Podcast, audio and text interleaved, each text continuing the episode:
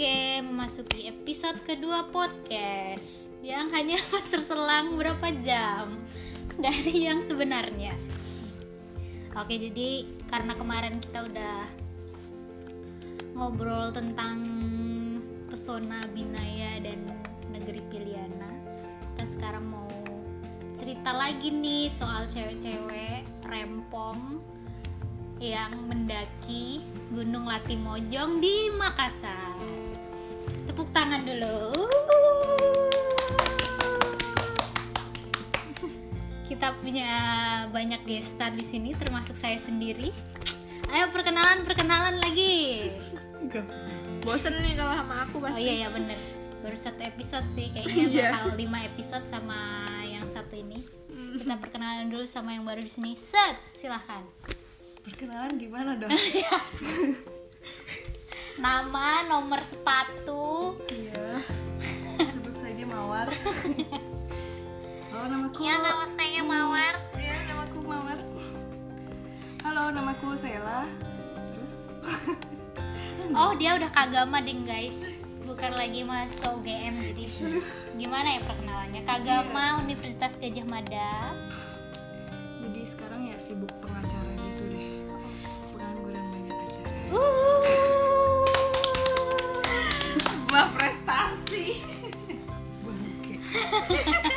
Weh gak boleh ngumpat. Puasa ini. Eh gak apa-apa kalau malam Setannya gak dikerangkeng. Yang satu lagi? Ya gak apa-apa deh bos. Iya, aku yang kemarin guys, aku Deswita, masih mahasiswa. Masih. Karena terlalu banyak kegiatan yang dia ikutin Jadi isinya gestarnya dia mulai aja. Karena nggak ada topik lain yang mau dibahas ini ya udah nih. Oke, jadi kita kita bertiga sebenarnya nggak bertiga sih kita dulu tuh bersembilan. Sembilan. bersembilan dengan kegiatan bernama Kartini Mapagama. Lagi-lagi disponsori Mapagama. UGM Dan UGM. dan UGM Lanjutnya dari UGM. kita merayakan Hari Kartini yang sebenarnya itu acara tahunan sih. Di Mapa tuh udah kayak proker program kerjanya pengurus harian.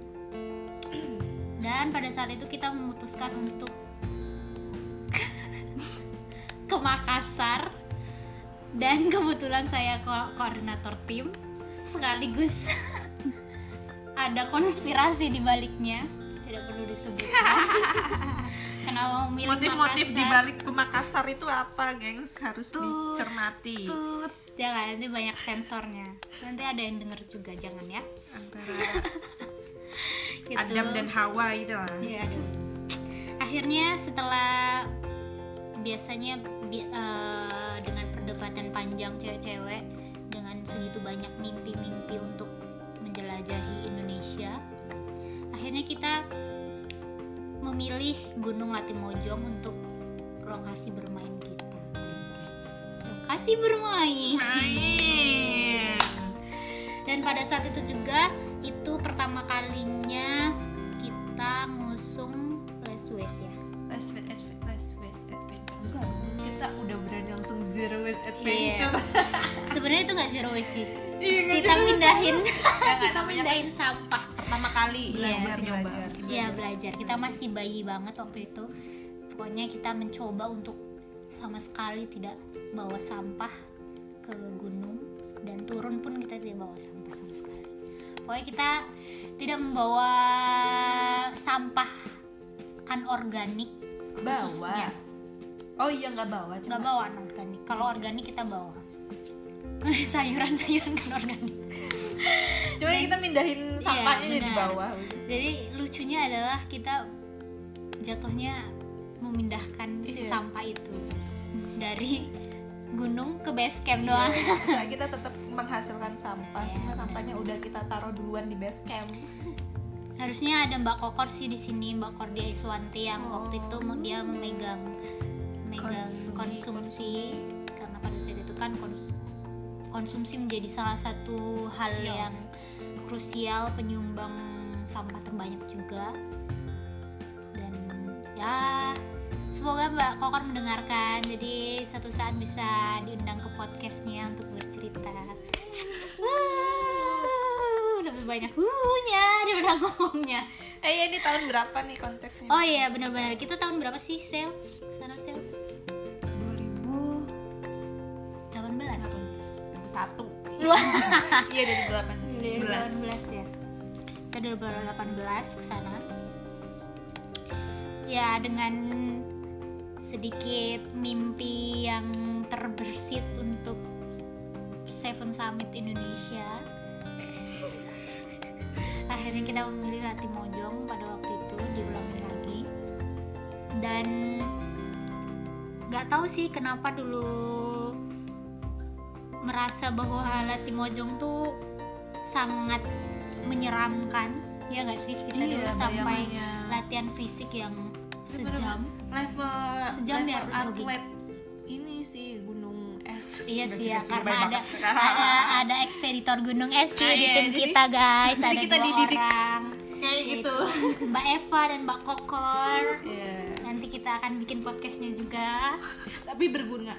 Ya benar sih berguna. Kita jadi cewek-cewek strong. Artinya enggak. Ya kita waktu itu pakai perjalanannya tuh via udara dan darat. Ya sih? Kita dari Jogja. Aku kurang kurang aku sedikit lupa sih sebenarnya juga. Entah yang berangkatnya atau pulangnya kita pakai kereta dari Surabaya ke Jogja. Pulangnya? Pulangnya pulangnya kita kereta Surabaya Jogja berangkatnya kita dari Jogja langsung dan gak ada transit ya ada yang langsung ya waktu itu. Dan for your information aja guys kalau nggak salah dulu banget itu 2018 itu tiket pesawat masih 600 ribu dari Jogja ke Makassar. Iya. Iya 600 atau 700 ribu gitu. Sih? Oh, sekarang udah sejuta dua ratusan ya? Ya sekitar satu dua sekitar 2 juta. Ini beruntungnya kita ya oh Allah. senangnya. Aku baru menyadarinya. Gitu guys. Jadi kita tuh berangkat di tanggal 19 April. Karena kita juga apa namanya ngambil momen kartininya di tanggal 21 aku lupa deh kita berkebaya nggak sih? Enggak. Mana ada enggak? Ternyata kita tidak selalu identik dengan kebaya setiap kartini. Beda temanya. Beda tema ya kita. Apa sih kita pakai apa sih? Bohemian Bohemian. Eh enggak itu Bohemian 2017 kita butak kayaknya Bu Bibi. Mm-mm. kita tuh pakai itu loh bajunya kembar semua itu. Oh iya drive it bener banget. Drive it kembar Oh, karena iya, ya ya udah. Oke, jadi berarti West Adventure tuh. kita dari alur transport tadi ya. Kita tuh berangkat berarti dari Jogja naik pesawat waktu itu dengan maskapai Eh, singa terbang dengan harga yang tadi sudah kusebutkan sekitar 700.000 ribu untuk 9 orang tanpa transit sampai di Makassar. Nah, kita juga punya support tim nih yang sangat uh keren banget. Warga lokal dari Toraja yang sangat panutan sekali lah. senior kita guys Itu dia Mbak Ana Dian Setiawati. uh mana nih mbak Ana Love you Mbak Ana. Dia juga seorang arkeolog atau arkeolog Arkeolog ya. Lulusan eh, arkeologi Lulusan UGM oke. 2012. terus nggak tahu jadi arkeolog apa enggak cuma arkeologi itu tetap panutan Iya. jadi sampai di sana kita langsung dijemput sama Mbak Ana dengan travel pesanannya yang sangat keren banget longgar Bukan besar travel itu elf. Oh ya elf ya. Dengan budget yang murah. sangat murah. Nggak tahu dia bisa. Kita waktu itu setelah dari bandara ke langsung ke Unhas. Oh iya, Uh, kita juga berterima kasih sama Korpala. Oh, Oh kita iya, banyak menyebutkan banget, Bu. sponsor ya. Pokoknya semua sponsor kita sebutkan di sini. terima, Terima kasih support support untuk mereka tuh Bang Iwang, Ketua Umum Oh, Korpala iya. pada saat itu menyambut kita dengan sangat well, wow mengkhawatirkan kita yang cewek-cewek ini. Bang Jack, oh my god.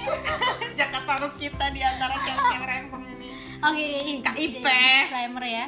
Po- eh, sampai di Korpala kita menumpang di sana dan kita sangat diperlakukan dengan baik di Korpala. Dan kita juga dapat tim tambahan, tim support tim dari mereka yaitu dua orang yang sangat-sangat keren sekali yaitu Bang Jack dan KIP. namanya bukan Jack sih Iya. Siap. so ya udahlah ya kita nyebutnya bang Jack aja biar enak bang Fahri. Iya. Fah Mi Fahmi. Nanti dipotong aja ya guys. Ini potong aja sumpah. Siapa sih namanya ya? Lupa aku. Bang Fahri Fahri. Dia adalah ilmu kelautannya Unhas. Jurusannya ilmu kelautan Unhas.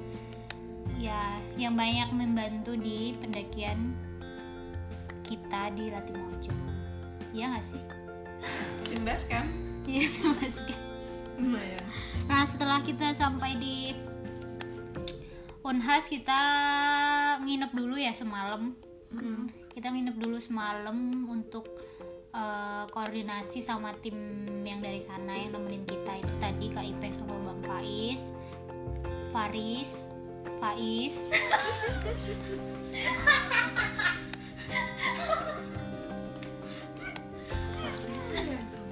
oh lagi nyari nih nih lagi nyari. Oh ya Bang Faiz waktu itu. Kita eh, ya intinya me- membeberkan lah me- menjelaskan schedule schedule kita. Terus mereka dengan sangat welcome sekali bilang bahwa wah baru kali ini ada cewek-cewek sebegini banyaknya di Korpala sehingga mereka bingung harus ngapain terus ya udah akhirnya pas udah selesai kita persiapan kita waktu itu cari makanan juga nggak sih? Cari logistik konsum nggak sih? Iya iya. persiapan logistik persiapan logistik konsum juga ya sa. Malam itu sama mbak Ana juga cari cari. Pokoknya semua persiapan lah yang dibutuhkan. Karena menurut informasi kita tuh jauh banget dari pusat kota. Jadi Gunung Latimojong itu terletak di Enrekam iya. Desa Karangan Sulawesi Selatan. Sulawesi Selatan. Iya Desa Karangan ya? Dusun atau desa ya? dusun.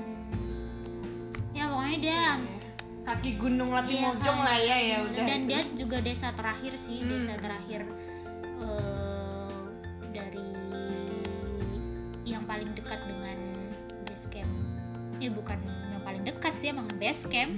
Memang base campnya Latimojong gitu. Dan itu yang paling dekat dengan si Latimojong itu. Aku lupa sih di ketinggian berapa ya itu tuh. Desanya. Iya. udah lama banget ya. Kayaknya ya kita cari di Google dulu gimana guys. Kita penceritanya udah lupa. Nah yang kayak gini sih sebenarnya eh, pentingnya mengarsipkan sebuah perjalanan tuh. Ada arsipnya. Cuma nggak kita buka ya aja lupa, nih lupa. ngomongnya nggak pakai persiapan. Justru itu yang biasanya menarik biasa gitu ya udah kita pada akhirnya eh, waktu itu kita men-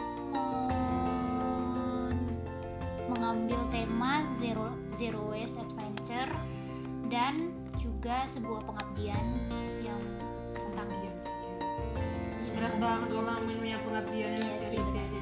berbagi Iya. sharing sharing Iya sharing sih kita tidak, tidak bisa mengatakan itu berhasil karena kalau ada kata berhasil berarti ada feedback yang baik dari mereka juga dan kita pasti dan kita memastikan ke sana ya Ah, ada, ah, ada benar tapi evaluasi. ya setidaknya kita pada waktu itu sangat-sangat menurutku sangat-sangat berani sih untuk mengambil tema itu Iya, kekerasan iya. seksual dan pendidikan reproduksi dini itu lumayan lumayan yang pada waktu itu untuk membicarakan masalah itu lumayan bisa dianggap tabu Iya, ya sama iya. sampai sekarang pun masih tabu sih Iya. sebenarnya cuman pada waktu itu ya meskipun itu nggak terlalu besar movement movementnya tapi menurutku itu udah bikin kita juga belajar banyak ternyata pelecehan seksual dan lain sebagainya tuh separah itu Iya, dipantik karena lagi marak-maraknya kasus Iya, benar, seksual ya.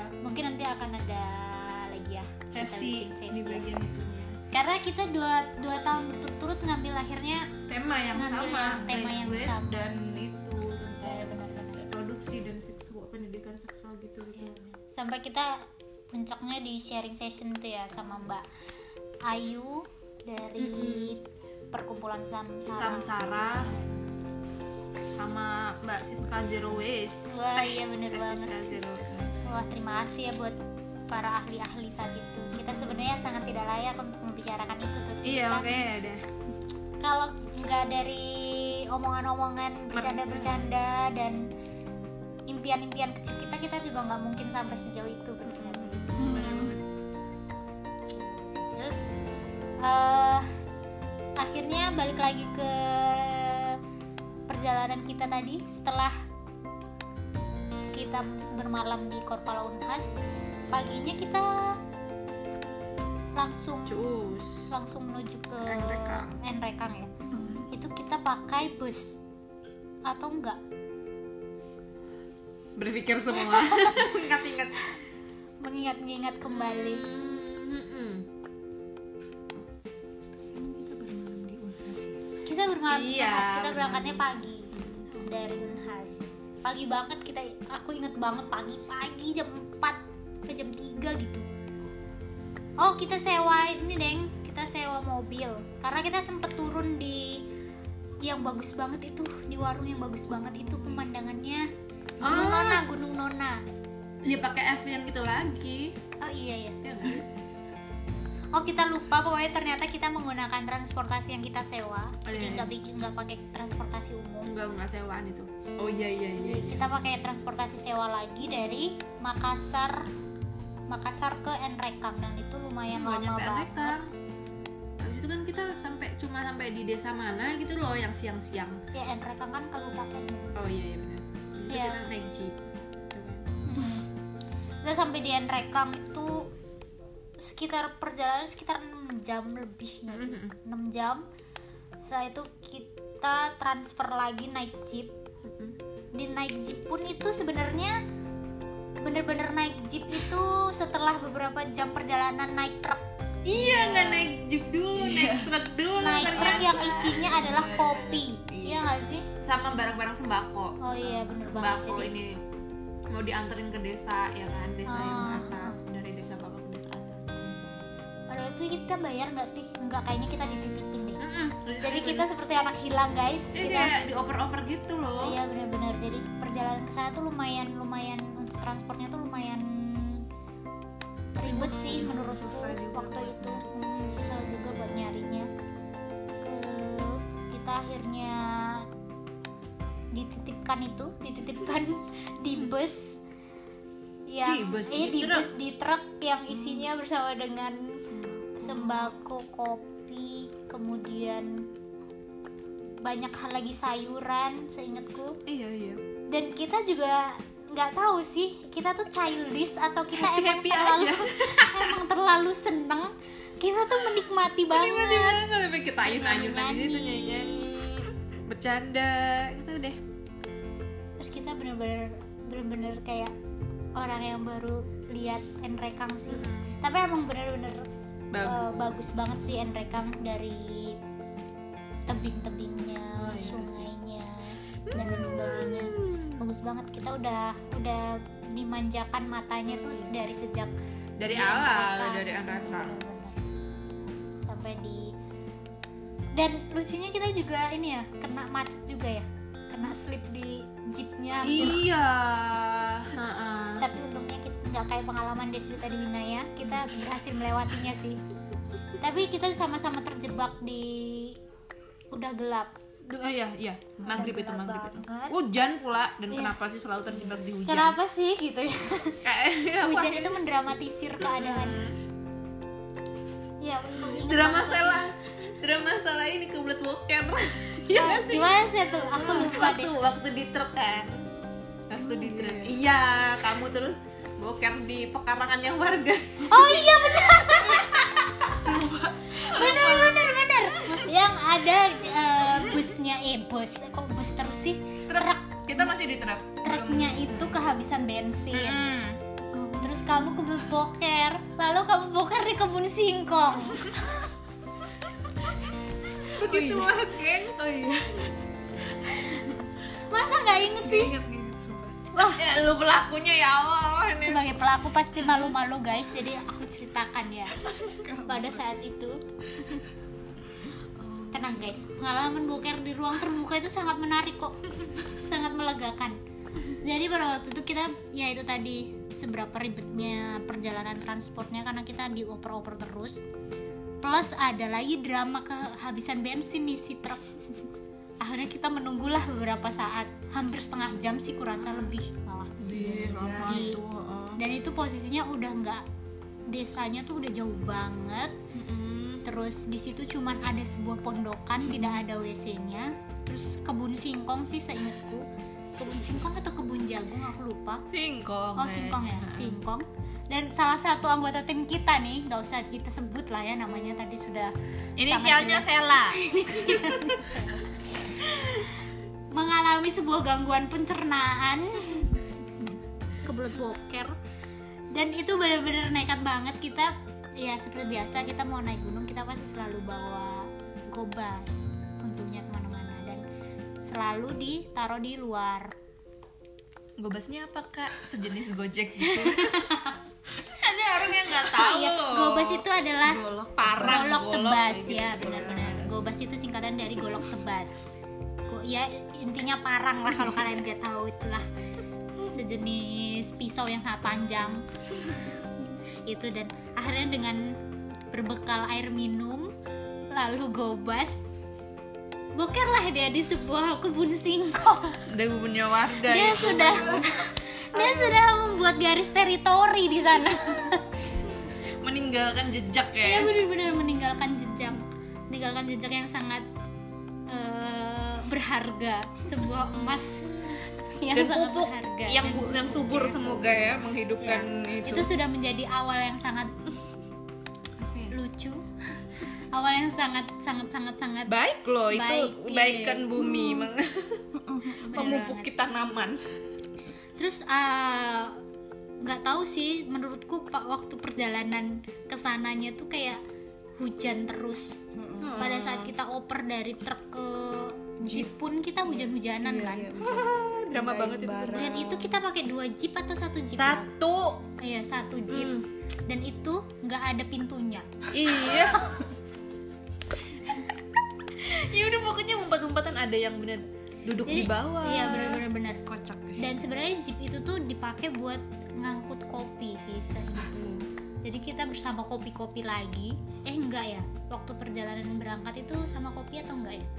Lupa sih. Pokoknya intinya jeepnya itu untuk Sebenarnya mobilisasi buat kopi. Jadi orang sana kan eh, komoditas paling bagusnya adalah kopi. Iya. Kopi tuh juga lumayan terkenal ya Ah, ah, ah. terkenal terus ya udah akhirnya kita sampai di lokasi kedinginan karena kehujanan itu udah jam malam juga jam sembilanan kita belum makan cukup horor terus iya bener-bener horor. perjalanan tuh samping kanan atau kiri gitu tuh tebing langsung. Iya, bener-bener, tebing sih jurang. Dan gelap nggak ada desa sama pondokan di disambut anjing-anjing. Iya anjing oh iya bener banget. Jadi kabut dah eh, turun di sana tuh ad- mayoritas kalau nggak salah Islam sih. Aku lihat ada kamu kamu ada satu kayak surau ya kita sebutnya ya nggak bisa disebut masjid sih itu itu surau gitu. Dan mereka juga rumahnya itu belum ada yang tembok seingatku cuma sekolah aja yang rumah tembok. panggung gitu. Nah, rumah panggung. Dan kita nginep di kepala desa di sana. Dan kayaknya emang sering dipakai buat base camp sih. Mm-mm. waktu itu kita ke sana itu ada beberapa rombongan pendaki juga yang nginep. Mereka berangkat malam tapi kita akhirnya istirahat dulu paginya kita baru berangkat. Berangkat.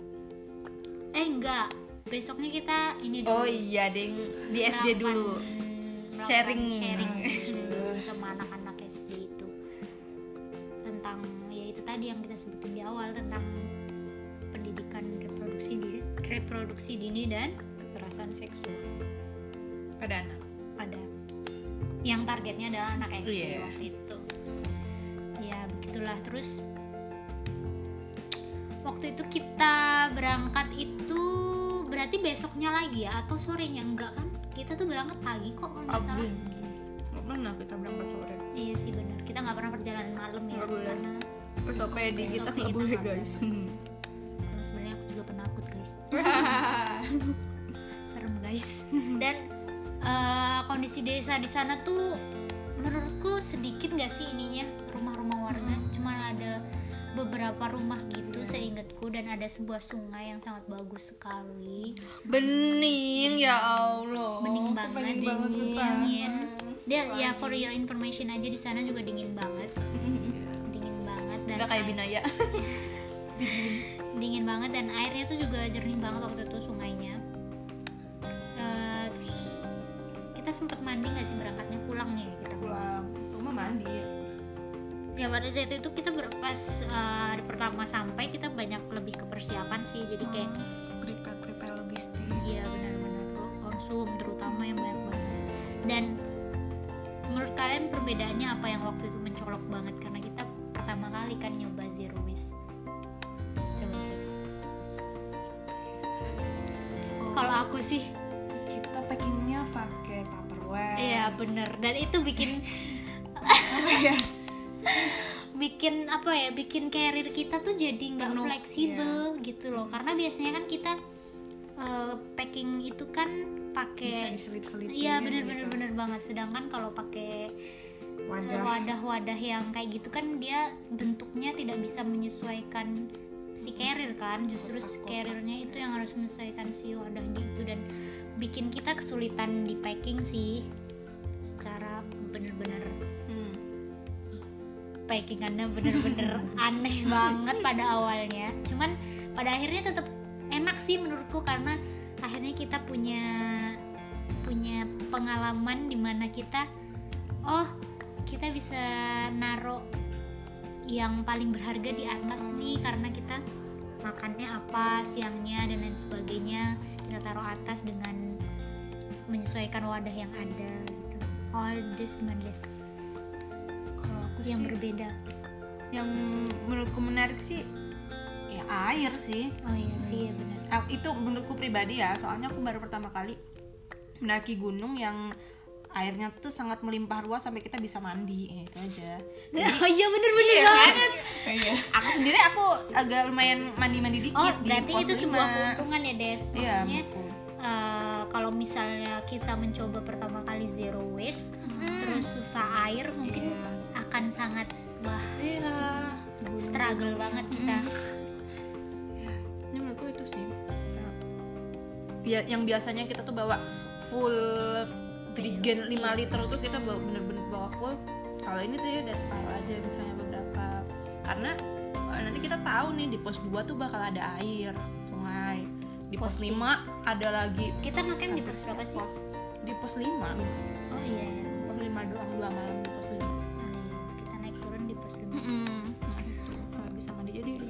pengalamanku yang Jadi- berbeda. pada waktu itu sih kita waktu naik itu banyak banget sumber air. Perlu diketahui di pos 1 dari dari base camp ke pos 1 itu mayoritas adalah kebun kopi. Seingatku dan jalurnya belum terlalu menanjak sih seingatku. Dan masih terbuka banget ya kan? Masih terbuka banget. Kebanyakannya adalah jalan-jalan ya jalan-jalan ladang kopi. Jalur petani gitu. Nah. Terus baru mulai lebat pohon itu dari pos 1 ke pos 2. iya Itu udah lumayan lebat, tapi jalurnya landai sih menurutku dari pos 1 landai ke eh, pos 2. tapi kita ini naik turun punggungan maksudnya kita berbeda punggungan gak sih nyebrang kan Iya benar, tapi itu landai banget. iya iya Landai banget kita kayak dan mu- muterin Iya, ini bener. muterin punggungan kalau kalian pernah naik Lahu dari Cemoro Kandang dari pos 2 ya pos 2 ke pos 3 itu mirip. Jadi muter gitu ya? muterin bukit tapi dia kita nggak lewat punggungannya. Kita bener-bener ngiterin si bukitnya itu. Tapi waktu itu lumayan banyak pohon-pohon yang jatuh. Iya. Dan waktu itu juga hujan. Iya musim hujan juga. Musim hujan juga dan licin. Kita ada pacet nggak sih? Ada kayaknya. Ada ya? Di pos berapa gitu. Eh iya di pos berapa gitu ada ya kan? Ada ada. Iya. Oh nggak nggak dituju deh. Nggak tahu deh lupa. Pokoknya tapi ada cuma nggak sedrama kalau di Sumatera apa Iya sih. Ah, kita waktu itu menemukan pacet sih. Nah terus di pos 2 itu dia tuh ada kayak gua gua kecil. Iya. Tempat ngecamp orang dan dekatnya iya. itu juga ada. Cerukan sungai. sih Iya, bukan gua ya. Cerukan ya bener. Cerukan lah. Dan di situ iya kamu lanjutin lanjutin. Di pos 2 itu tuh sungai sih seingatku. Jadi sungai lebat apa deres banget. Ya itu sih yang dibilang sama Deswita kita bisa mandi. Nyebrang ada jembatannya ada itu ya. jembatannya tapi ada jembatannya. Nah fase struggle-nya di sini. Dari, dari mulai pos dua 2 sampai atas sampai di pos 5 Lima. itu bener-bener kita merayap-rayap di akar-akar. Jalurnya curam banget sih dan bener-bener butuh bantuan webbing sih waktu itu. Dan untungnya di beberapa spot jalur yang emang rawan udah disediain tali gitu ya, ya meskipun tambang-tambang gitu. meskipun kondisinya waktu itu udah Iya. lumayan tidak meyakinkan sih Hancur gitu. ya. tapi setidaknya lumayan membantu lah ya. Cuma Dan- kita juga ya itu tadi kita bilang kita naik di posisi hujan. Hmm, eh maksudnya musim hujan jadi licin banget dan jalurnya curam banget. Ya itu tadi yang kita bilang struggle banget dari pos 2 ke pos 5 dan ya dari situlah kita punya kejadian-kejadian bodoh dan kejadian-kejadian lucu. Saya nggak tahu ya aku eh, justru malah nggak merasa beban dan merasa capek iya gitu loh. bener banget. Meskipun kalau dibayangin lagi nih anjir ternyata medannya kayak Iya, gitu ya. menakutkan. Menakutkan ternyata setelah dibayang-bayangin karena kita cewek-cewek semua nih satu tim jadi ya udah kayak kita tuh asik aja dibawa ngegosip dibawa ngobrol nyanyi-nyanyi candaan gitu ya udah kayak nggak kerasa aja tiba-tiba udah ngelewatin ini ada ini aja ya udah benar. kita ya meskipun tetap waspada ya nggak nggak mengurangi tingkat kewaspadaan Iya. Kita tuh sampai ya itu tadi kita dari pos 2 ke pos 3 itu lumayan. Kemudian dari pos pos 3 itu kayaknya banyak pohon palem, pohon palem dan ya, di situ kita istirahat kan. Istirahat, Kita makan istirahat makan siang. Dan posisinya Hujan hujan. deras. Waktu itu posisinya hujan deras, udah basah semua, kita pakai mantol. Kita makan di bawah hujan. Tapi namanya juga lapar ya. Iya, kita tetap makan, aja. Nah, tipsnya nih buat kalian yang kalau misalnya naik gunung makan siang kalian tuh jangan yang terlalu berat. Takutnya kalian kebelet boker lagi. Makanya yang ringan-ringan aja. Seingatku waktu Buah. itu kita tuh buah, brownies, kurma kurma, ya biskuit. yang gitu-gitu. ya selain itu juga karena efisiensi sih Iya, bener. efektivitas Efisiensi dan waktu logistik dan Ah. lain-lain nggak perlu masak kan langsung ah, makan aja. bener-bener. Waktu kita juga bawa air hangat nggak dari bawah ya? bawa Oh iya, karena kita ingat bahwa waktu itu musim hujan takut ada teman kita yang kedinginan. Waktu itu kita bawa air hangat. Ya itu salah satu tips sih, karena lumayan panjang juga perjalanan dari pos 2 ke pos 5. Ya dari pos 3 ke pos 4 itu biasa aja, cuman Iya. dia becek aja, becek akar-akar gitu ya. akar-akar licin. Nah, dari pos 4 ke pos kelima 5 nih. adalah tempat perdebatan semua manusia yang ada di situ. kayak nyampe nyampe gimana sih udah sore Waktu itu ya bener banget kita tuh sebenarnya target sampai di pos 5 untuk ngecamp itu jam 4. Mm-mm. Jadi kita mikir efisiensi bikin tenda, masak dan sebagainya. Pokoknya jam 7 itu udah siap makan gitu. Tapi waktu itu kita jam 5 masih di pos 5, di pos 4. iya bohong nggak seingatku pokoknya intinya dia kita udah mepet banget lah gitu. Dan waktu itu kita terbagi dua tim akhirnya. Iya. Tim pertama yang sampai itu bikin tenda dengan segala aku kayaknya nyampe aku sama kamu naik duluan untuk bikin tenda. Iya karena aku korlap jam 5 itu kita nyampe. Oh iya, aku, aku laporan soalnya. Jadi pada waktu itu namanya juga cewek-cewek ya. Kalian harus bayangin cewek cewek ada 9 orang semuanya punya pikiran sendiri-sendiri semuanya lapar semuanya kedinginan Capek. semuanya capek. Belum ambil air belum bikin tenda belum masak. Belum ngebacotnya. Bacotnya nah di situlah fase bener-bener kalau orang bilang naik gunung itu keluar semua apa sih namanya watak aslinya tuh di situ sih bener-bener kita harus benar-benar memposisikan diri kita tuh sebagai apa di situ. Jadi kalau semuanya emosi wah udah deh. Kayaknya kita bakalan turun hari itu. Ini gobas itu buat ini buat bukan itu udah. Bener banget. Jadi eh, sedikit gambaran ya di pos 5 itu kita itu tidak terlalu landai banget. Kita tuh ngecamp di agak turunan sih seingatku agak turunan Itu becek, sedikit. Heeh, becek di dan bawah pohon becek gede. banget. Tempatnya itu malah tempat angker tau. Iya benar setelah kita turun kondisinya kalau kalau mirip-mirip selamat iya.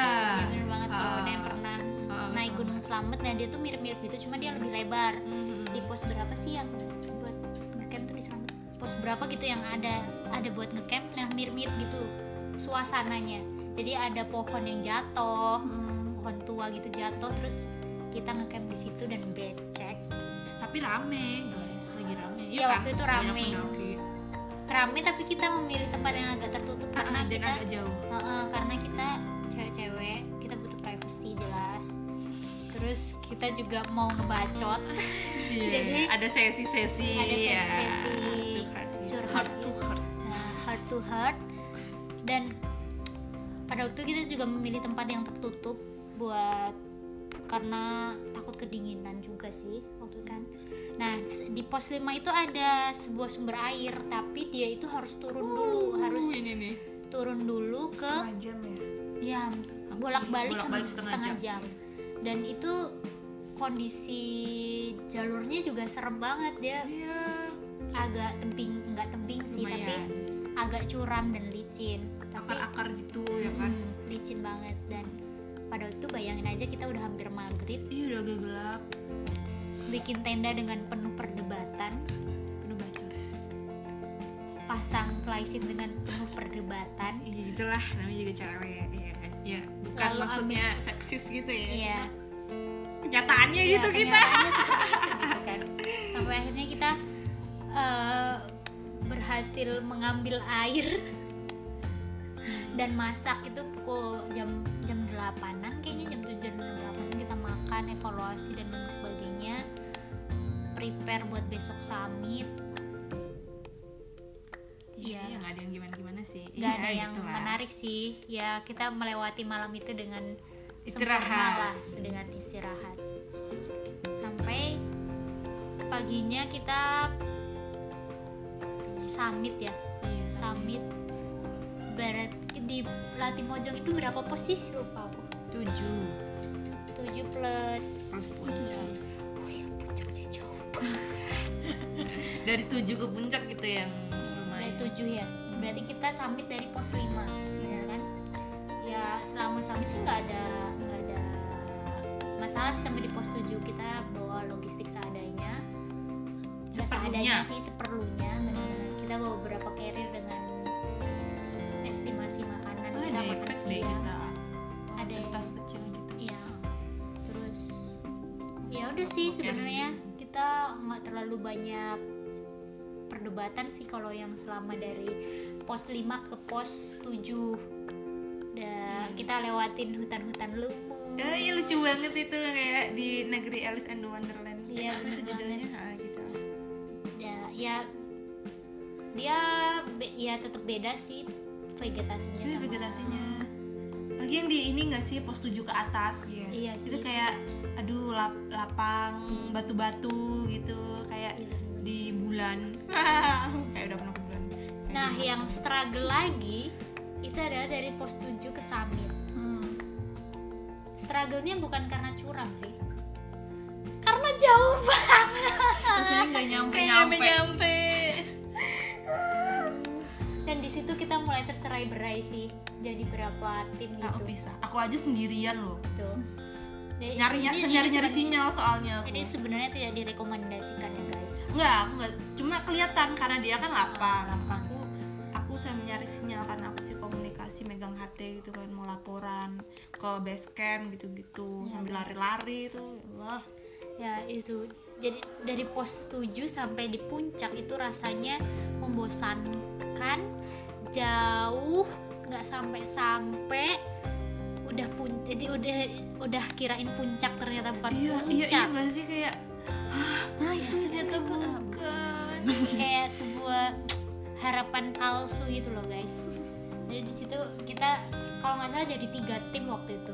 Terpisah dari tiga, tiga tim. Tim pertama yang sampai itu nggak kokoh dan lain sebagainya. Terus kedua itu nggak tahu siapa lupa. Aku juga nggak tahu aku masuk tim yang mana, aku Iya. lupa. Pokoknya akhirnya kita berhasil lah sampai di puncak. Waktu itu jam ah, udah siang Udah sekitar jam siang, 12 Iya, 12-an. jam 12 kita sempet panas hujan panas lagi Mm, hujan gerimis. lagi.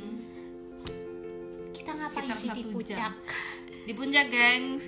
Ya, nungguin. ya gitu panjat sosial. Foto-foto.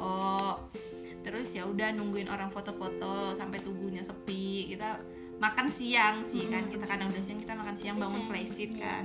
Di atas di puncak.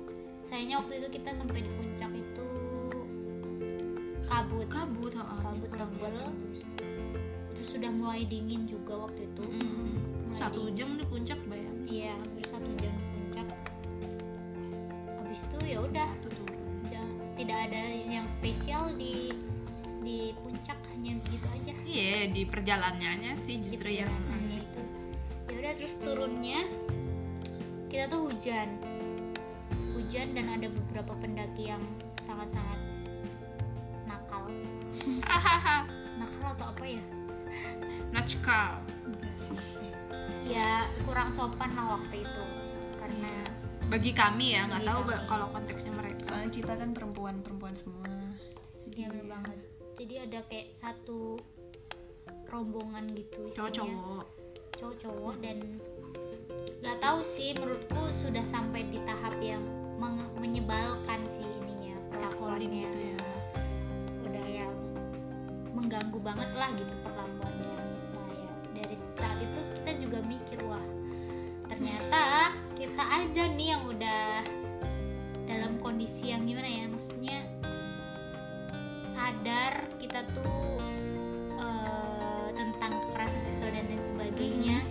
Aja tuh kita jijik banget digituin gitu loh. Apalagi orang yang mungkin nggak tahu apa-apa terus tiba-tiba di ada something yang memperlakukan dia kayak gitu gimana dia traumanya gitu loh.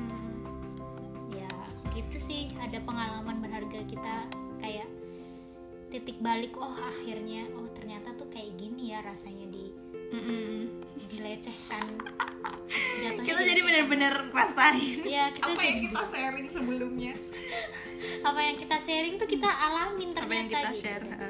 tapi pada akhirnya waktu itu kita tegur sih orangnya itu. iya dan akhirnya meminta maaf ya sampai di base camp Hmm. ya akhirnya minta maaf lah gitu sampai di base camp ya itu sih sebenarnya kalau yang paling mungkin dari perjalanan kita yang panjang itu yang iya yang bikin kita tersadar gitu yang akhirnya bikin kita yang kedua akhirnya eh, setelah kartini setelahnya juga mengambil tema yang sama untuk melanjutkan iya. tentang kekerasan seksual dan pendidikan.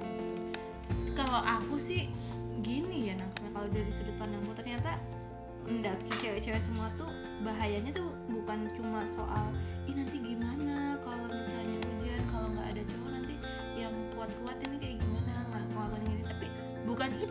kita khawatirkan sekarang.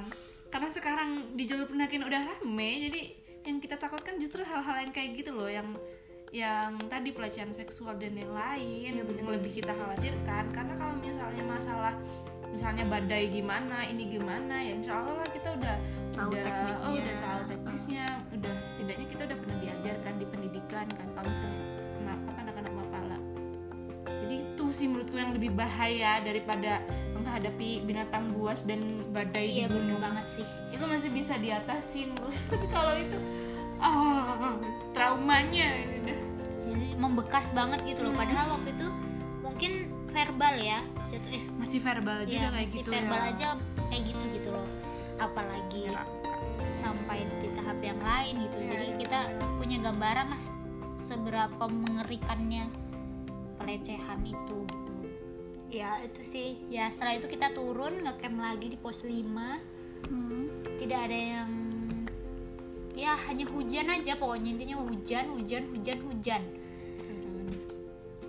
Sampai? kita sampai di pos turun kita setelah itu ya udah kan. Sore nyampe tidak eh, ternyata tidak semengerikan ekspektasi kita awal sih. Iya. Karena pada awalnya kita mikirnya bakal serem banget terutama kita juga cewek-cewek harus jaga diri juga kan. Nggak ada cowoknya.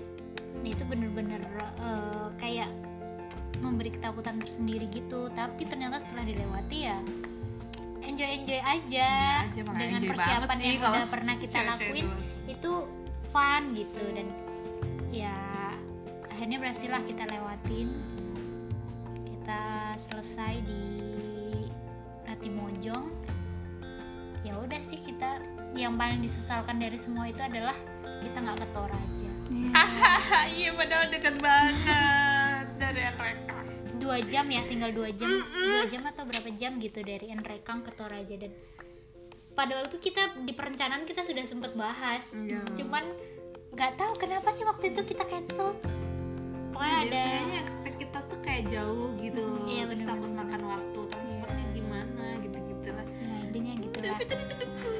kan ini kibet kurang Intinya itu. ya kita kembali lagi dengan perjalanan transport ke Makassar. Kita setelah pendakian itu kita balik ke Makassar lagi ke Unhas lagi. Naik jeep lagi. Ah. dengan perjalanan yang struggle lagi. Iya. Tapi menyenangkan. Menyenangkan. Kita terjebak di surga Enrekang harus coba banget ke daerah sana. Meskipun kalian nggak naik gunung, touring motor aja. Iya. Uh itu udah bagus banget. Tebing-tebingnya guys. Iya tebing-tebingnya kayak keren banget sih. Sana Jadi waktu senja deh. Uh. ada sebuah accident di mana jeep kita itu ke kehabisan bensin lagi. Aku bingung kenapa kita selalu kehabisan bensin. Akhirnya kita terjebak lah, bukan terjebak ya. Mogoklah kita di suatu tempat yang sangat pinggir jalan. Indah ya, di pinggir indah, jalan. sore-sore bayangin tuh kayak udah.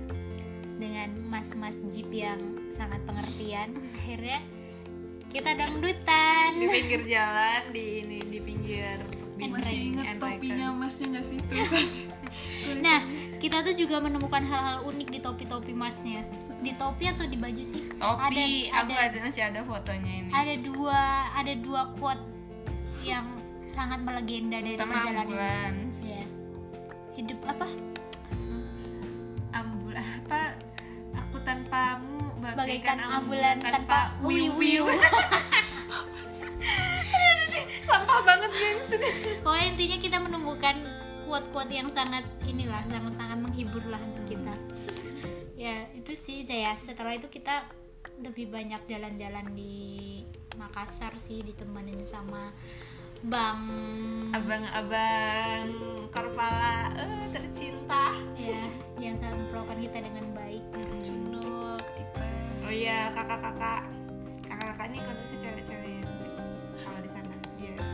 Saya kalau tempatku kakak tuh cowok. kita banyak banget main-main sih di sana kita ke Ramang-Ramang terus ke mana lagi kita Banti Murung. ke ya bener-bener salah satu taman nasional yang sangat Banyak kupu-kupunya itu ya, loh. Banti Katanya. Murung dan Maros ya Iya. iya Terus, Tapi kita nggak nemuin kupu-kupu di sana. nggak musim katanya Lagi nggak musim. Ya banyak kupu-kupu gantungan kunci tapi. menurutku Makassar tuh banyak banget ini sih banyak banget makanan enak dan tempat-tempat Iya. yang bagus coto Coto, coto. Aku cobain yang paling wajan. Iya. pisang epek Iya. terus wedang sareba Iya. Iya banyak banget lah yang bisa dieksplor selain ke Latimojong seandainya kalian ke Makassar. Makassar. Ya Selain ketulisan Makassar itu ya. iya sama Losari. Iya iya, lo sari ding, sorry sorry lo sari. ya kita punya banyak banyak inilah pengalaman-pengalaman yang lucu-lucu terutama kita cewek-cewek semua. Terus di ditemenin dengan partner-partner yang sangat well yang sangat Iya. melawan kita dengan baik kita berterima kasih banget. Udah Terima kayak kasih. keluarga, iya. Iya, terus akhirnya waktu itu bang Fadli. Ya, sebutin nih satu-satu? Bang Zakir. Ya bener bener bener. Bang di mana sih kita yang Faiz. Eh, mobilnya mogok lagi terus di sawah-sawah kalian foto-foto. Oh iya iya iya. Itu masih di deketnya ini ramang-ramang. Oh, iya, iya. dari ramang-ramang kita itu. Benar-benar bagus sih di sana ya. tuh dari segi eh, alamnya. Iya budayanya. Meskipun secara transport kita kurang tahu ya kayaknya lebih banyak.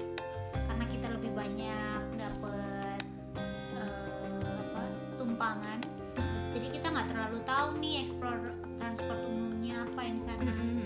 Mungkin kalau di sekitar kota aja sih kalian bisa pakai Grab sih. Bisa Iya, pakai iya, Grab atau bener. Gojek eh, aplikasi ojek online gitu. Karena waktu itu kita juga pakai itu ya.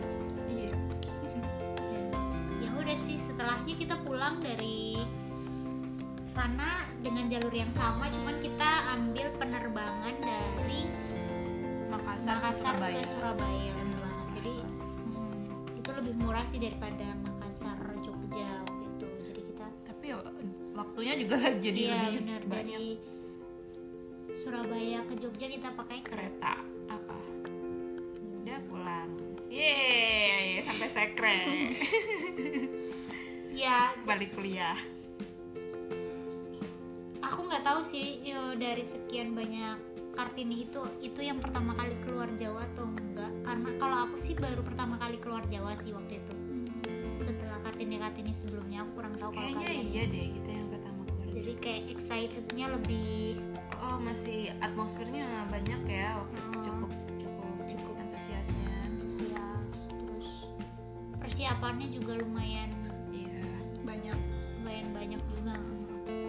Dan kalau dari segi budget sih waktu itu habis berapa tuh sekitar kita Sembilan 9 orang ya 9 Dapet orang. dana berapa kita dulu? Dulu dapat 22 juta. Oh iya dulu dan bersihnya sih kita dapat 20 juta.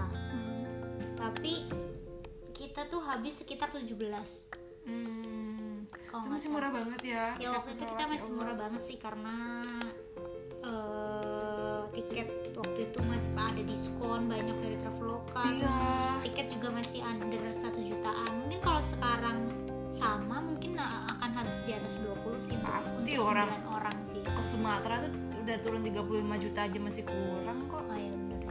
Oh iya ya iya kita akhirnya ngebis coba. Demi duit cukup. Iya bener bener bener banget. Jadi ya bersyukurlah kita melakukan perjalanan ke surga Makassar dengan budget yang sangat murah. Yang sangat murah. Gratis Ya, lah sih guys. Tips and triknya kalau ke Makassar apa ya? Menurutku Makassar udah udah banyak banget sih. Accessible Ah, akses- banyak. kalian bisa dan tempatnya juga banyak yang bisa dieksplor dari alam budaya apa wisata apa sebagainya. Wisata apa kuliner. juga banyak kuliner bener banget banyak banget sih jadi tidak kalian juga ke Makassar nggak bakal nyesel lah Mm-mm. itu sih paling manfaatin link kalian aja ya gitu. sekali lagi manfaatkan link kali ya iya biar warlock itu sangat berguna ternyata Ya, intinya kita terima kasih banget sih kita sharing kayak gini biar terutama bagian di bagian kekerasan seksual dan yang sangat sedikit kita sebutkan tadi setidaknya jadi pribadi kita yang sekarang ini yang sangat aware sama Iya. hal kayak gitu dan Iya. bikin kita belajar banyak sih karena kebetulan kita di Jogja dan ada banyak sekali kasus kayak gitu kan dan ya mungkin akan lain kali juga kita bakal bahas ya Khusus yang ya, itu. khusus sama